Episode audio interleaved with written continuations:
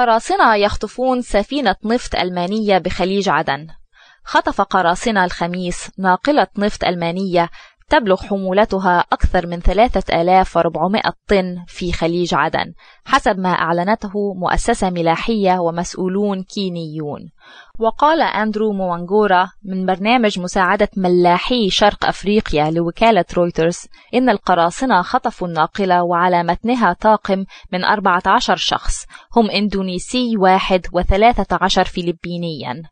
ولم تتضح بعد الوجهة التي تقصدها السفينة المخطوفة والتي قال مسؤول في البحرية الكينية إن حادث خطفها عرف تبادلا كثيفا لإطلاق النار مضيفا أنه يعتقد أن أيا من أفراد طاقمها لم يصب في العملية.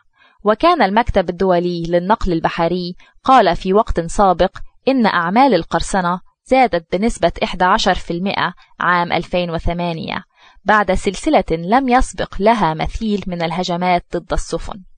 وأدت هجمات القراصنة إلى ارتفاع تكاليف النقل البحري ودفعت واشنطن والاتحاد الأوروبي إلى نشر قوات بحرية وجوية في المنطقة.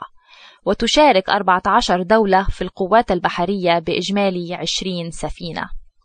غير أنه لا يبدو أن القراصنة يخافون من هذه الجهود الدولية إذ بلغ عدد السفن التي تعرضت لهجماتهم العام الماضي وحده نحو 110 بينها 42 اختطفت 14 منها ما زالت محتجزة ومعها 240 شخصا من أطقمها.